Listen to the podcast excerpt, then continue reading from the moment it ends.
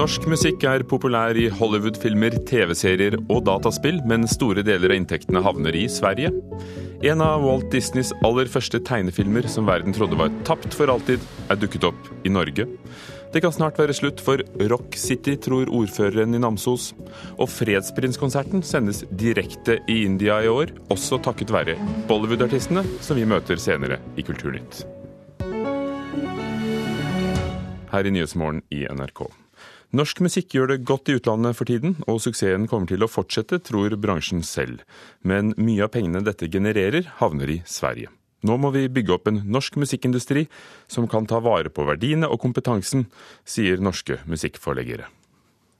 His affection's gonna kill me one day. Kev, he's my other friend. He doesn't work. He's Sist jeg sjekket på YouTube, så var det over to millioner som hadde sett uh, traileren. Denne låta er skrevet av Bjørn Tveit i Drammensbandet Alfred Hall, og den ble plukka ut som gjennomgangslåt i en hel trailer for Ricky Gervais-TV-serien Derek. Det var for meg helt, uh, helt absurd. Som stor fan av Ricky Gervais, så var det veldig gøy å få høre sangen min på noe som han spiller i. Og det er ikke bare gøy, det blir penger av det også, sier Kai Robøle i musikkforlaget Waterfall. Jeg tror vi har ligget på sånn rundt 12 000-15 000 dollar, og opp til, faktisk opp til 100 000 dollar på den aller største plasseringen. Bandet Alfred Hall har i år tjent godt over en halv million kroner på Derek-traileren og en meksikansk reklamefilm. Inntekta som er større enn platesalg og konsertvirksomhet til sammen. Jeg visste jo ikke hva et musikkforlag egentlig gjorde før, uh, før jeg kom i kontakt med Waterfall. Og det er jeg veldig glad for nå i, uh, nå i ettertid, når vi ser, at, uh, ser fordelen med å eie våre egne innspillinger og kunne gjøre, gjøre ting, ting i utlandet. da. Men musikkforlagsbransjen er liten i Norge, og når vi nå går inn i en gullalder for norsk musikkeksport, haster det med å bygge opp en større industri her hjemme, mener Kai Robøle. Den boosten som vi i Norge har nå innenfor popmusikken internasjonalt, den kunne vi fått mer ut av i eksportsammenheng hvis vi hadde klart å beholde mer rettigheter på norske hender. Men nå altså apparatet bak ligger litt etter utviklingen nå, i forhold til at vi har en del artister som virkelig har potensial internasjonalt, og som vi nok uh, mister. Og mye av det vi mister her, det plukkes opp i Sverige, hvor selskapene er større, har nettverk over hele kloden og mer kapital, forteller Jørn Dahlshow i musikkforlaget Da Works. Slike forlag finnes det knapt noen av i Norge, så man må søke seg til den, ofte det nærmeste stedet, og er Stockholm, som der har hovedkontor for mange av de store musikkforlagene i Norden. Disse avtalene gjør at uh, veldig ofte så havner da en ganske betydelig andel av musikkforlagsinntektene da i Sverige istedenfor i Norge. Altså normalt sett 50 da, av disse musikkforlagsinntektene. Sverige eksporterte musikk for over 1 milliard norske kroner i fjor. Hvor mye av den summen som kan spores til norske rettighetshavere er umulig å vite, sier Dalshov. Han håper eksportorganisasjonen Music Norway nå kan bidra til å synliggjøre for norske investorer hvilke enorme muligheter som ligger i å bygge en større norsk musikkindustri. Vi jobber med saken, sier Helene Broch i Music Norway er jo selvfølgelig noe vi kan og bør jobbe mer med, eh, sammen med, med forlagene og, og deres eh, forleggerforeningen og lignende. Det å, å, synliggjøre disse inntektene, det er absolutt noe man bør bli flinkere til. Vi har alle mulige forutsetninger for å få dette til. Vi har greid det innenfor andre bransjer og industrier i Norge å bli veldig flinke i, i verdenssammenheng, så dette har vi absolutt mulighet til å få til. Sa musikkforlagssjef Jørn Dalshow til reporter Torkel Thorsvik. Kommunikasjonssjef Willy Martinsen i Tono, som forvalter og beskytter rettighetene på vegne av norske låtskrivere. Som vi hørte i innslaget, har Sverige en stor musikkindustri som tjener mye penger. Hvorfor har de det, og ikke vi? Eh, det har historiske årsaker. Allerede på 60-tallet så kom det De store internasjonale musikkforleggerne kom til Norden, og de valgte eh, Stockholm eh, for sine lokale kontorer. Fordi Sverige er størst, har høyest profil internasjonalt osv. Eh, og har fått tid til å fortsette å vokse. Og så har de hatt ABBA, de har hatt eh, Roxette. Så dette har på en måte fortsatt. Så, eh, fortsatt. så det er en stor industri i Sverige med mange bedrifter, mange ansatte. Mens musikkforlagene i Norge har en litt annen profil.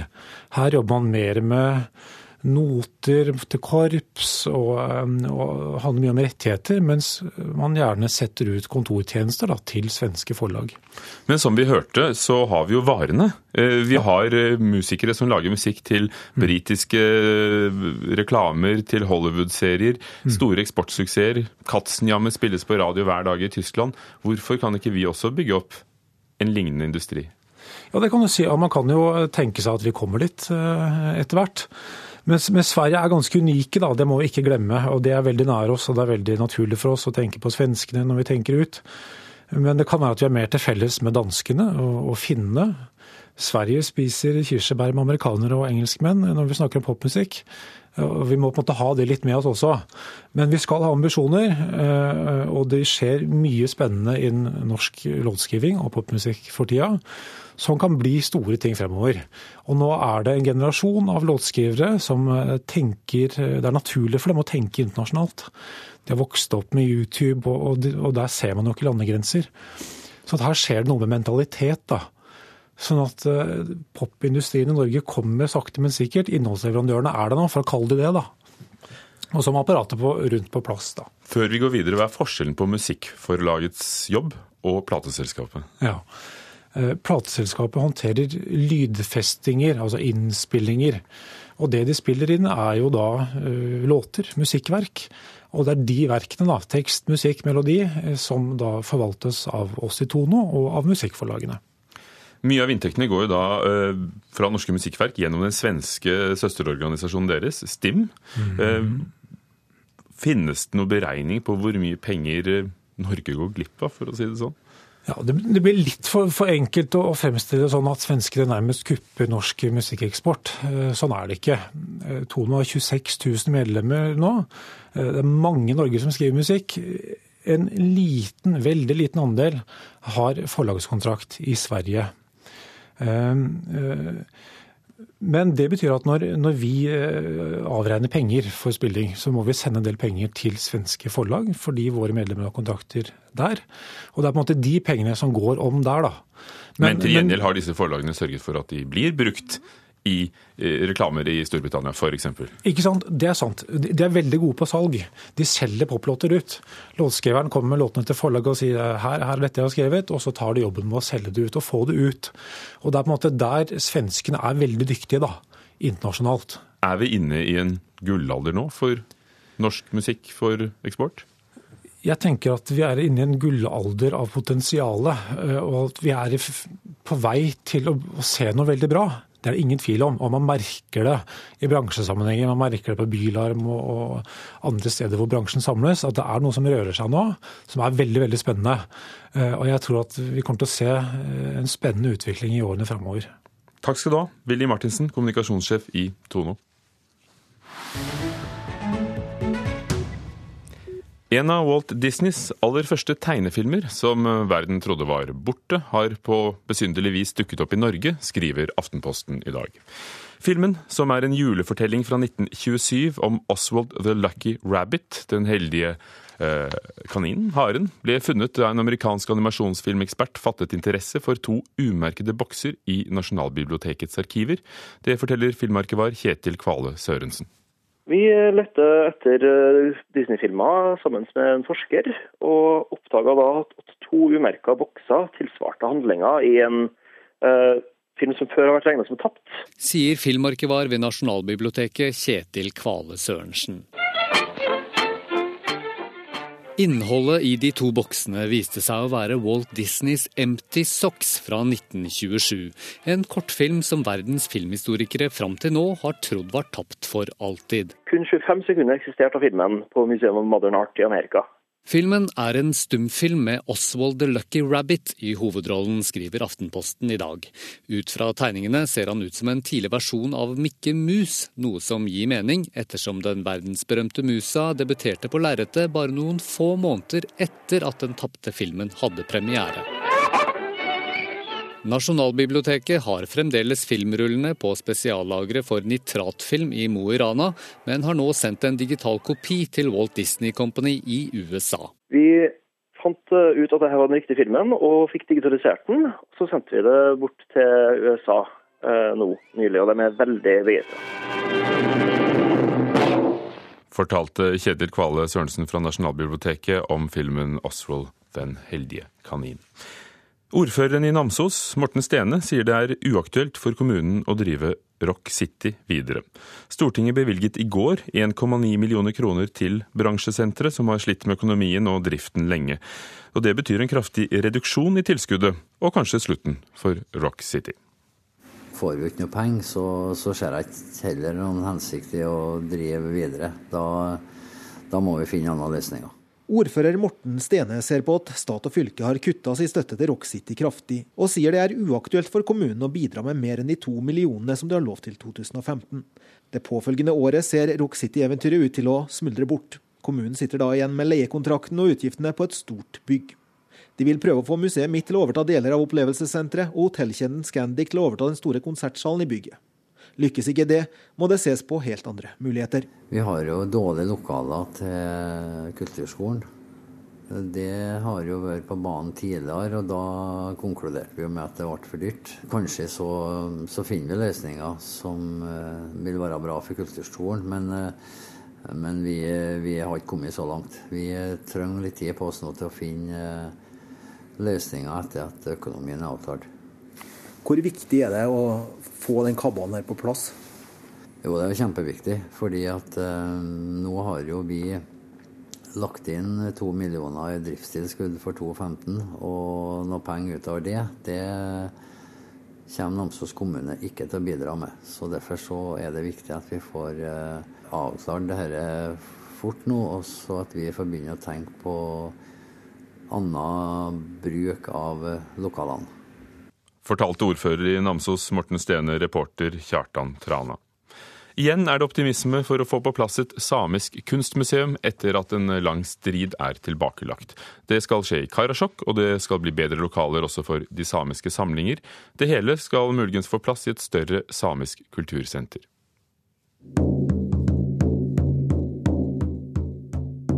Det kommer en følelse av ro gjennom den rytmiske tromminga på runebomma. En sårt tiltrengt ro for dem som er opptatt av bevaring av samisk historie og kultur.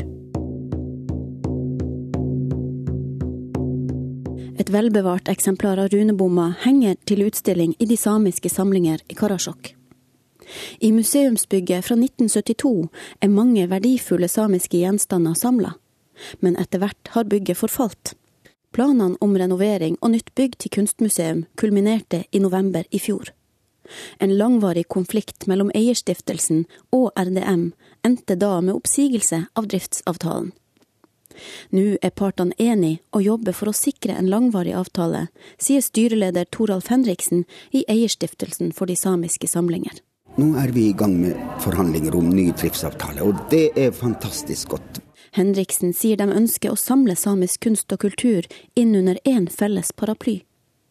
Her vil de få inn senter for samisk krigshistorie, Mamma Karasjok-senter, et Mariboine-senter og et uteamfi for teater og konserter. Det er jo viktig at vi får samla eh, en gang for alle eh, laga et, et hovedsamisk kulturhistorisk senter i Norge. Og på museet i Karasjok håper de nå på bedre arbeidsforhold og bevaring av de historiske skattene bl.a. av relieffet Gudenes dans av Iver Joks, sier Berit Aase Johnsen. Det, det, kunstverket 'Gudenes dans i Hålen', det har vi nok eh, sagt at det må beholdes. Det kan ikke rives, eh, ødelegges. Men det er jo det her med at vi må for øvrig få eh, gode lokaler for museumsdrift, men også i forhold til arbeidsmiljøkrav for personalrom og kontorer. Reporter Marte Lindi. Klokken er 17 minutter over åtte dører på Nyhetsmorgen i NRK. Overskriften i dag oljeprisen faller fort. Den er like lav som under finanskrisen. Nå må Arbeiderpartiet svare på om det er for eller mot nikab og burka på offentlige steder, krever Fremskrittspartiet. NSB kommer til å gi Flytoget hardere konkurranse. Nye avganger til Oslo lufthavn fra mandag. Og det å være med i kunstprosjekter får frem selvtilliten hos dem som lever på bunnen av samfunnet, viser ny forskning, som vi snakker om senere i Kulturnytt. Årets Nobels fredspriskonsert skal sendes direkte på TV i India for første gang. I kveld skal Malala Yousafzai og Kailish Satyarthi hylles i Oslo Spektrum. Og med to av India og Pakistans største artister på programmet har arrangørene merket stor interesse fra hjemlandene til fredsprisvinnerne. Europas ledende Bollywood-dansetrupp ankom Oslo i går. De håper Malala vil like det de gjør. We definitely are, because we believe whenever we dance as Bollyflex, we don't like athletes. We always strive to be the best, and um, I hope that they all enjoy. Naz Chowdhury leder dansetruppen Bollyflex. Han lover at gruppa kommer til å gjøre sitt aller beste når de i kveld skal forsøke å imponere fredsprisvinnerne Malala Yousafzai og Kailash Satyarthi. Det blir en spektakulær, fargerik og energisk forestilling, sier Chowdhury. Our performance is like a, it's a massive dance spectacular. There's loads of energy, loads of color. We've got quite a lot of variety. We've obviously got a really short four-minute piece, but in that four minutes, we've actually got all the different sort of like dynamics of Bollywood dancing. Alle formene for Bollywood-dans blir vist på fire små minutter, forteller Chowdhury. Bollyflex er Europas ledende Bollywood-dansegruppe, og i England er de bl.a. kjent fra den britiske dansekonkurransen Got to Dance.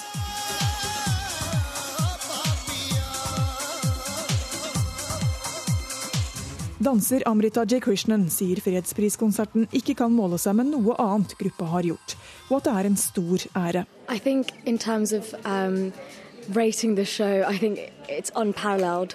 Um, it's a complete honour and a prestige to be here for us. This is the perfect and most prestigious end to 2014 that we could ask for. Bollywood-danserne skal dele scene med to av India og Pakistans største artister. Indiske Amjad Ali Khan og Ustad Rahat Fateh Ali Khan fra Pakistan.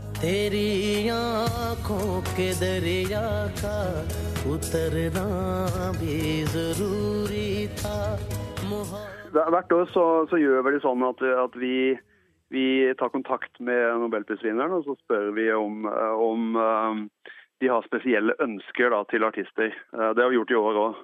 De som representerer India og Pakistan er jo store stjerner, altså kjempestore stjerner. Altså Stjernenivået i, i Pakistan og India er nesten ufattelig for oss. Det sier produsent for Nobelkonserten Odd Arvid Strømstad i iWorks Dynamo.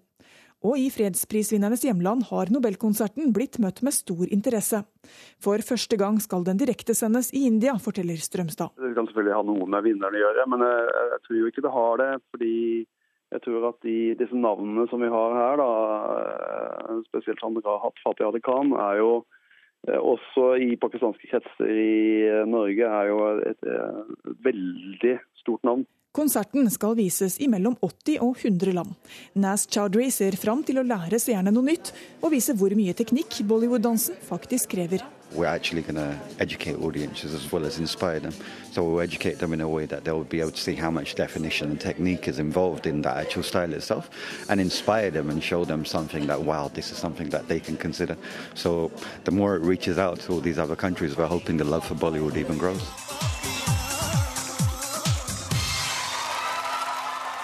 Nas Chaudhry vil gi oss inspirasjon og øke vår forkjærlighet til Bollywood, fortalte han til vår reporter Une Marvik Hagen i forkant av Nobels fredspriskonsert. Dronning Sonja skal åpne Nordnorsk kunstmuseums filial på Svalbard 6.2 til neste år. Dronningen får dermed også presentere en av video- og performancekunstens pionerer, den 78 år gamle amerikanske kunstneren Joan Jonas lager kunst som passer Svalbard godt, mener museet selv. Jakten på å finne en internasjonal kunstner som har referanser mot nord, har bl.a. gått via London. London-trafikken har forsinka gjengen fra Nordnorsk kunstmuseum i Tromsø. I Øst-London, ved Wilkinson Gallery, venter den engelske galleristen til Joan Jonas, en av de store innen videoperformance. Pioneer, absolutely a performance. So at this moment, she is one of the first artists to explore the idea of performance as art.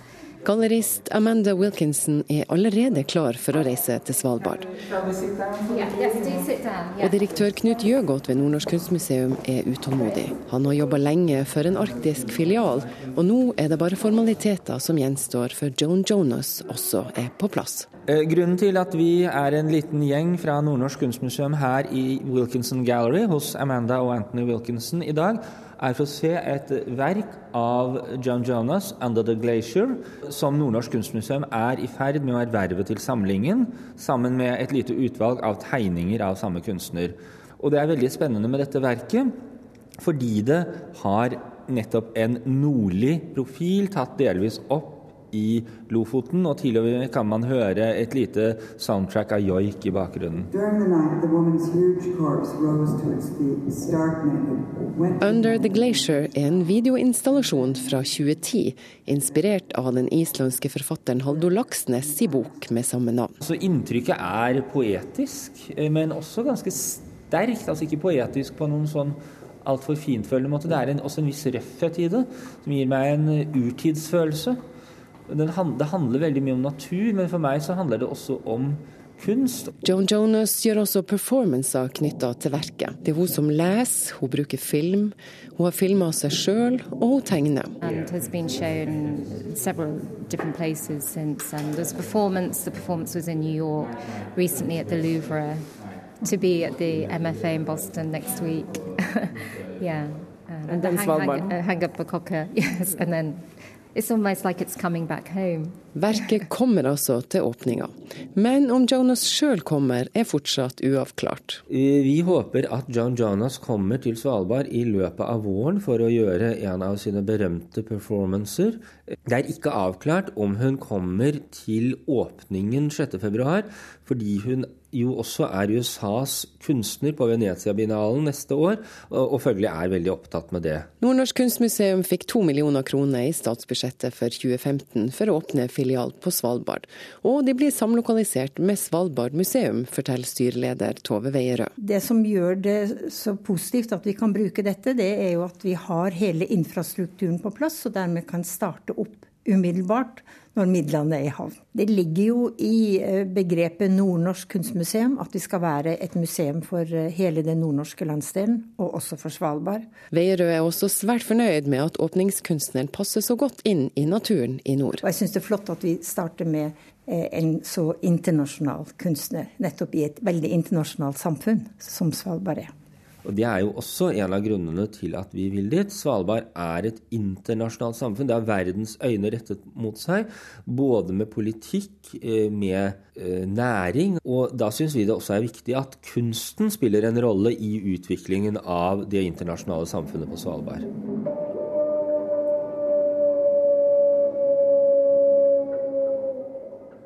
Til slutt var det Knut Gjøgodt, eh, direktør ved Nordnorsk kunstmuseum vi hørte. Dvs. Si før lyden av Joan Jonas' eh, verk Under isbreen. Reporter Hege Irén Hansen. 6.2 neste år åpner Nordnorsk kunstmuseums filial på Svalbard. En ny doktoravhandling tar for seg hvordan teater og kunst påvirker hjemløse og asylsøkere. Sissel Horghagen ved Høgskolen i Sør-Trøndelag sier det skapte en verdighet å være med på kunstprosjekter de hjemløsene som deltok i våre studier, veldig mange av dem hadde en bakgrunn fra barnevernsinstitusjoner. Og en del av dem hadde jo eh, veldig triste fortellinger om opplevelser av å være på de store institusjonene. Man legger seg om kvelden, store sovesaler, og så ligger de der og hører på at ei dør åpnes og noen fotskritt kommer inn. Og en sa da tenkte jeg hvem sin seng stopper de fottrinnene med i natt? For da ble noen tatt ut, og det ble begått seksuelle overgrep. Og Dette er jo støtta av Befring-rapporten som kom i 2004, som bekrefter alle det her.